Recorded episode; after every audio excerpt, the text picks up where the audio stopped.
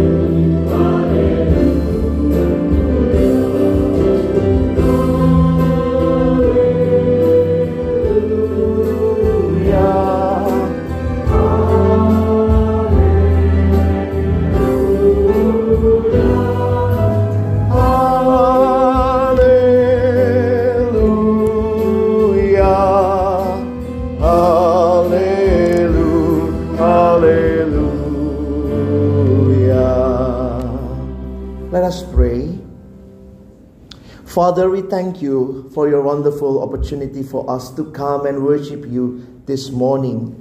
And as we open your words, we pray that you will also open our hearts. Help us not only to be the listeners of your word, but help us to be the doers of your word.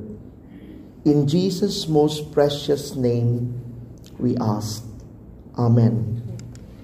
Good morning, brothers and sisters. We thank God for this wonderful opportunity for us to come together to worship Him as one body and also to approach the Lord's table this morning. Our theme for today is um, from Bible exposition from Romans chapter 14, Romans 14, verse 1 to 23. Verses 1 to 23. And our theme for, this morning is Do not cause another to stumble. And this is a, a great teaching from Paul, and I will uh, help you to go into the text and also apply to ourself and our church today. Let me begin with this question How should we face different opinions among Christians? Sometimes it's not easy, uh, maybe you can um, experience many things. There are many differences, and also there's many opinions among Christians about certain issue. So again, in this passage, Paul is helping us to see how we can address those issues and how, as a church, we can come together and live together in harmony. It is not easy, it's very tough, but this is the Word of God. Let us obey it. Now let us turn to Romans 14, verse 1 to 23. I will have um, on the screen the New International Version. Let me read to you. It's quite a long passage. Sorry if it's too small, you can just uh, go to your Bible and um, follow it there. The weak and the strong, except the one whose faith is weak without quarreling over disputable matters. One person's faith allows them to eat anything, but another, whose faith is weak, eats only vegetables. The one who eats everything must not treat with contempt the one who does not. And the one who does not eat everything must not judge the one who does, for God has accepted them. Who are you to judge someone else's servant? To their own master, servant stands or fall. And they will stand, for the Lord is able to make them stand. One person considers one day more sacred than another. Another considers every day alike. Each of them should be fully convinced in their own mind. Whoever regards one day as special does so to the Lord. Whoever eats meat does so to the Lord, for they give thanks to God. And whoever abstains does so to the Lord and give thanks to God. For none of us lives for ourselves alone, and none of us dies for ourselves alone. If we live, we live for the Lord, and if we die, we die for the Lord. So, whether we live or die, we belong to the Lord. For this very reason, Christ died and returned to life, so that he might be the Lord of both the dead and the living. You then, why do you judge your brothers and sisters or sisters? Or why do you treat them with contempt? For we will all stand before God's judgment seat. It is written, As surely as I live, says the Lord, every knee will bow before me, every tongue will acknowledge God. So then, each of us will give an account of ourselves to God. Therefore, let us stop passing judgment on one another.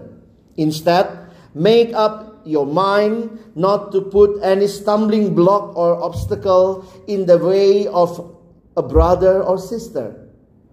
I am convinced, being fully persuaded in the Lord Jesus, that nothing is unclean in itself, but if anyone regards something as unclean, then for that person it is unclean. If you, if your brothers or sisters is distressed because what you eat, you are no longer acting in love. Do not by your eating destroy someone's for whom Christ died. Therefore, do not let what you know is good be spoken as of as evil. For the kingdom of God is not a matter of eating or drinking, but the righteousness but of righteousness, peace, and joy in the Holy Spirit. Because anyone who serves Christ in this way is pleasing to God and receive human approval. Let us therefore make every effort to do what leads to peace and to mutual edification. Do not destroy the work of God for the sake of food. All food is clean, but it is wrong for a person to eat anything that causes someone else to stumble. It is better not to eat meat or drink wine or to do anything else that will cause your brother or sister to fall. So, whatever you believe about this thing, keep between yourself and God. Blessed is the one who does not condemn himself by what he approves.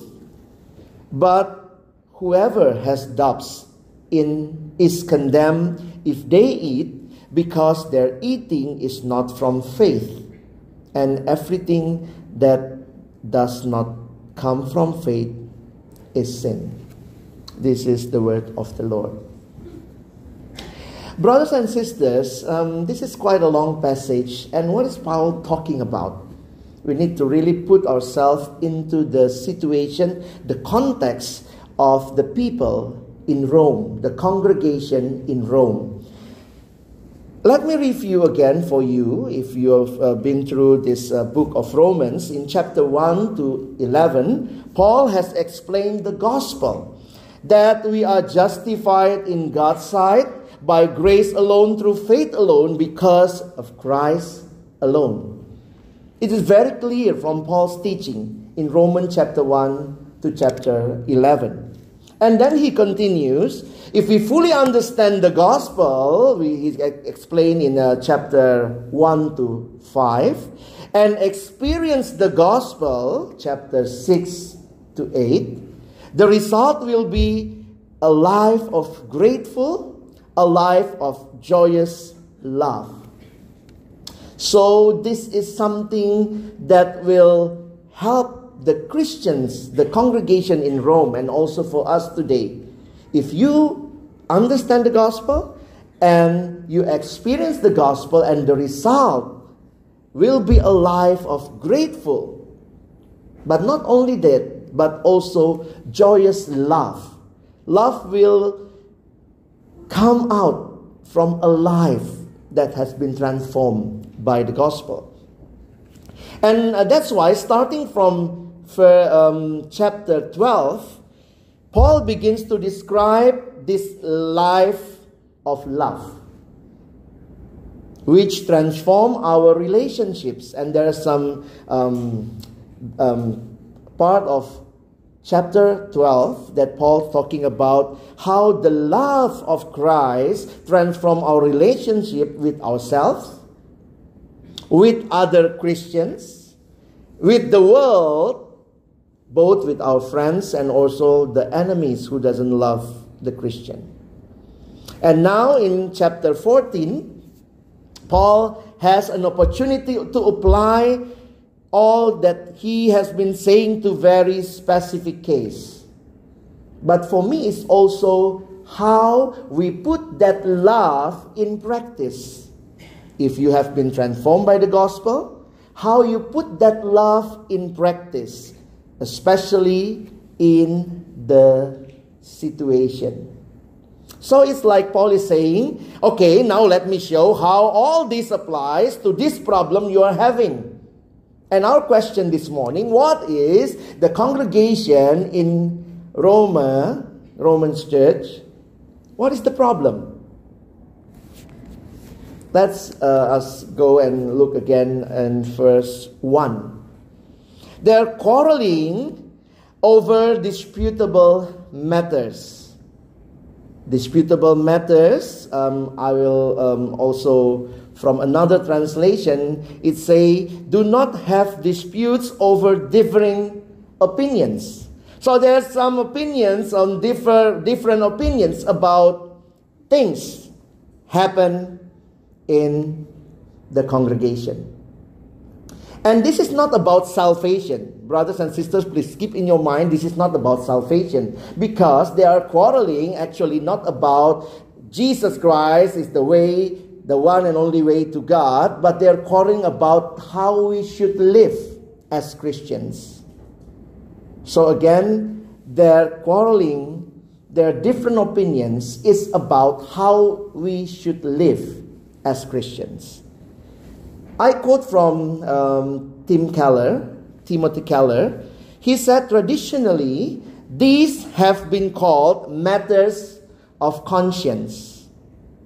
In another part, it's called matters of conscience. And please take a look at what it is a matter of conscience. A matter of conscience is a practice about which God has not specifically spoken in His Word He has not clearly forbidden it, nor clearly commanded it. Okay? So this is the thing. Well, we usually say it's like gray area. This is not a gray area about doctrine. This is not about doctrine, because in, if we say about doctrine and then the, the reality is true or false. But this is the gray area. Sometimes also in church today, it's not easy for us to specify which one is about these disputable matters. Let me go through the first. So in Rome, in a congregation, the dispute mainly had to do with eating.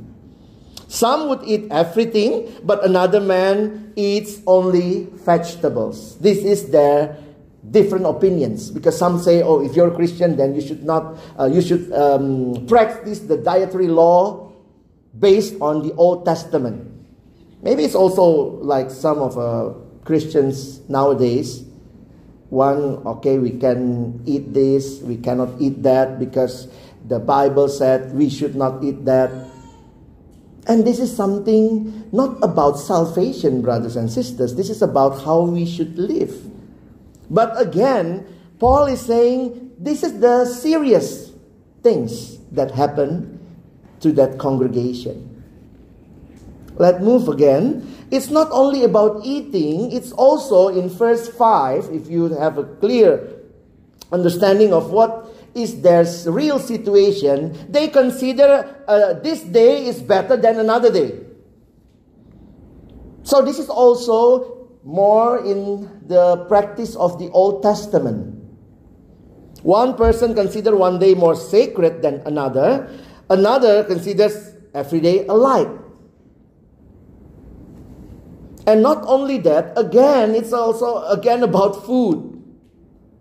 In verse 14, again, it's about clean and unclean food. And verse 20, do not destroy the work of God for the sake of food. All food is clean, says Paul. And again, maybe if you go uh, to verse 21, this is another thing. It is better not to eat meat, again, food, or drink wine, or to do anything else that will cause your brother or sister to fall. Do you have the picture of the situation, the problem? What is our disputable matters among Christians nowadays? Maybe our disputable matters is about the worship style should be like this or like that. And some of us maybe still about food. Can we eat blood or no? We cannot eat blood. For Batak people, they have the food with blood and without blood. You can choose. Maybe the way we dress to church, it's also disputable matters. For some, if you dress um, properly, then you are more close to God. So sometimes this is not only the first century church situation, but also our situation.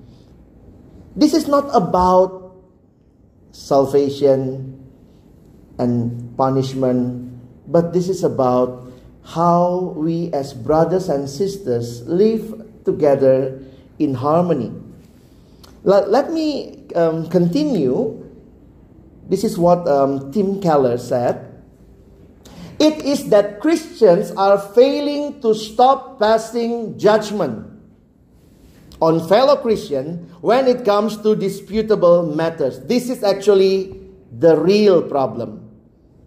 And again, that one that I put in red. There is a spirit of rejection instead of acceptance within the church. So if we are quarreling about many things, then again look very deep. Are there a spirit of acceptance? Or maybe it's already there, the spirit of rejection. If you are not like us, then go out. This is what happened actually. in the Roman church. So here we see Paul is given two, two parties. One is the weak, and the other is the strong. And you can see also throughout this passage, Romans 14, the weak and the strong. Who are the weak? Again, I will emphasize Paul is not saying that weak Christians aren't safe or even that they don't trust Christ. That is not the case. But in fact, the weak are generally the most fervent and diligent in trying to please God. They really want to live a life that will please God. But again, where they weak is in the remnants of a legalistic spirit. They'll still cling to them. They have not worked out the implication of the gospel. They try to think if we still keep the law from the Old Testament, then you are more close to God. If you are saved by grace alone, there is no need to feel that to feel you can or must somehow keep God's favor through rules and regulation. And this is the situation among them. That's why Paul is saying you are the weak because actually you know that salvation is by grace alone, but you keep on doing that law that makes you feel you are better than other people who is not doing the same law who is not practicing the same law. So, on the other hand, a strong, a strong Christian is someone who knows they are saved by the gospel and therefore understand that there are areas in which they are free. So, for some, like what Paul has, has been said here, they don't eat meat that's unclean especially if you go to the market in their time, all the meats may be already were being given to the idol worship. So it's unclean. But again, Paul is saying everything is clean. Because we are not saved by the food, but by Jesus Christ. So the problem the weak is still rejecting the food, not eat the meat. But the, the other people, the strong, will say, No, it's okay, it's nothing. Because they know the truth that they be justified by faith in the Lord Jesus Christ. So, again, what happened here? Let me conclude the strong tends to take the weak too lightly, to not give them enough weight because they see them as being legalistic. Sometimes, actually, this we look down on others. Why you're still practicing that? we that's already the past for me. And the strong, um, the weak tend uh, and the, the strong, the weak tend to take the strong too seriously. Okay, sorry, that the, the first one is the strong. The strong tend to take the weak too lightly. The weak tend to take the strong too seriously and will be deeply troubled and upset by what they see as their licentiousness. Sometimes in the church, especially, if we are a family church like this, intergenerational gap sometimes will cause us to judge one another. We should use hymns. We should use worship songs. Hymns brings us to God. Choruses, contemporary song will give us a spirit of wild spirit, not the Holy Spirit. If that is the Holy Spirit, we need to be calm If you jump, and then that's the horse spirit. Sometimes it's not easy for even the church today to apply these principles. We keep pointing at one another. There is a spirit. Again, I want to highlight this from what Tim Keller conclude from this passage. There is a spirit of rejection instead of acceptance within the church. If we really think that we are Christ's body, we belong to Christ, then we need to really think and make every effort to keep the unity. Actually, the gospel changes everything. The gospel is the way Christ transformed people, churches, and community. So if we put these matters in the lens of the gospel, what should come to our mind? First, we need to again have a firm belief that we are justified by faith alone in Christ Jesus. The second one, we need to remember, as Paul said, God is the only judge. We are not judged for one another. So that's why verse 13 is like the key verse of this passage. Therefore, let us stop passing judgment on one another. Instead, make up your mind not to put any stumbling block or obstacles in your brother's way. So, brothers and sisters, if someday you will face a disputable matters among you, please keep this in mind. So, the practical implication how we should apply this to our situation. First, if you face a conflict or something, um, disputable matters on different opinions on something, firstly, you need to make sure that is the disputable matters. Make sure first. But if that is a doctrinal matters, you need to say right or wrong. But if you consider, oh, this is not about doctrine, this is about disputable matters, we can have different opinions, then we can apply these principles. So make sure first, is it disputable matters or it's a doctrinal matters? If doctrinal matters, then you need to have a black and white things. But again, if about the worship style, for some church, that is a doctrinal matters. Again, different opinions. In my church, there's many things that already like a culture. So it's really hard for people to say something against the culture, even the culture that has been in the church for a long, long time. But again, the Bible says nothing about it. So sometimes um, we need to really put the things, is this a disputable matters first, and then we can discuss. So, after a group of Christians agreed to put an issue in the disputable area, then we need to follow Paul's advice.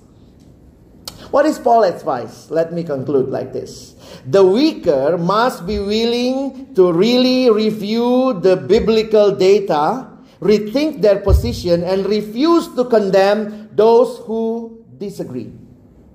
Instead, they must allow others to follow their own consciences in that area.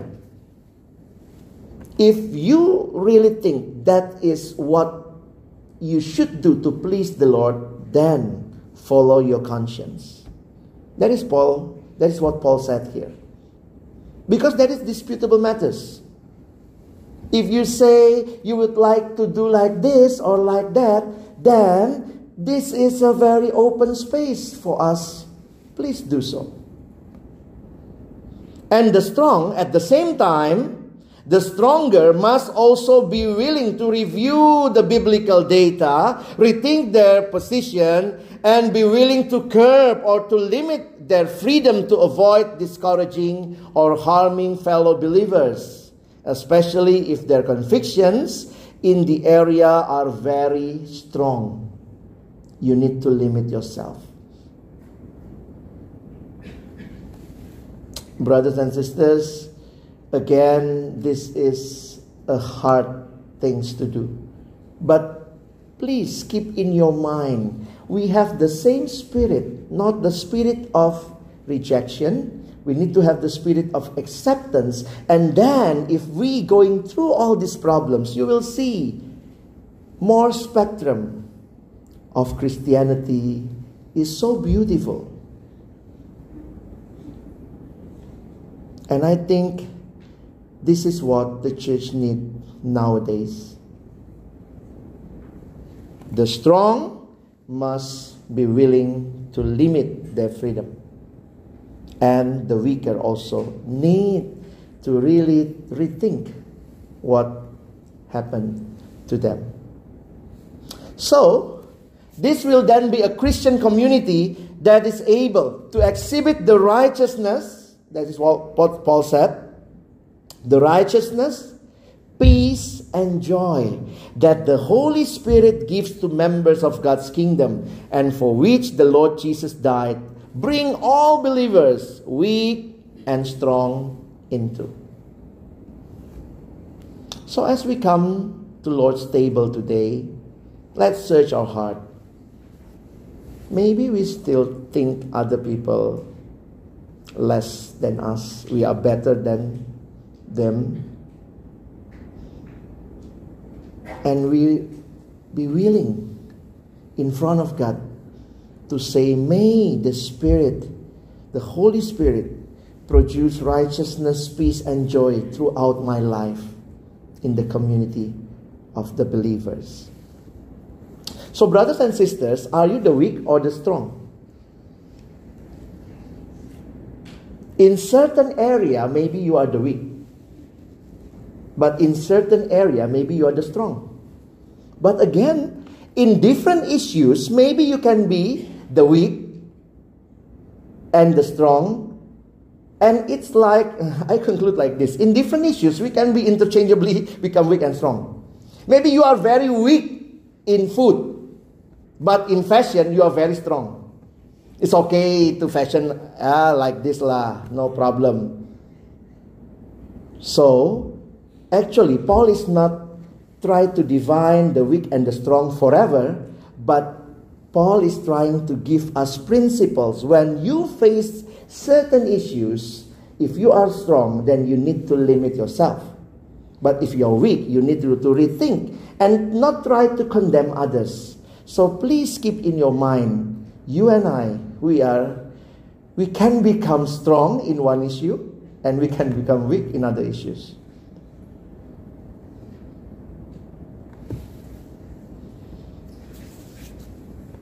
So, the questions I leave to you to ponder this morning over what disputable matters in our church are there stronger and weaker believers?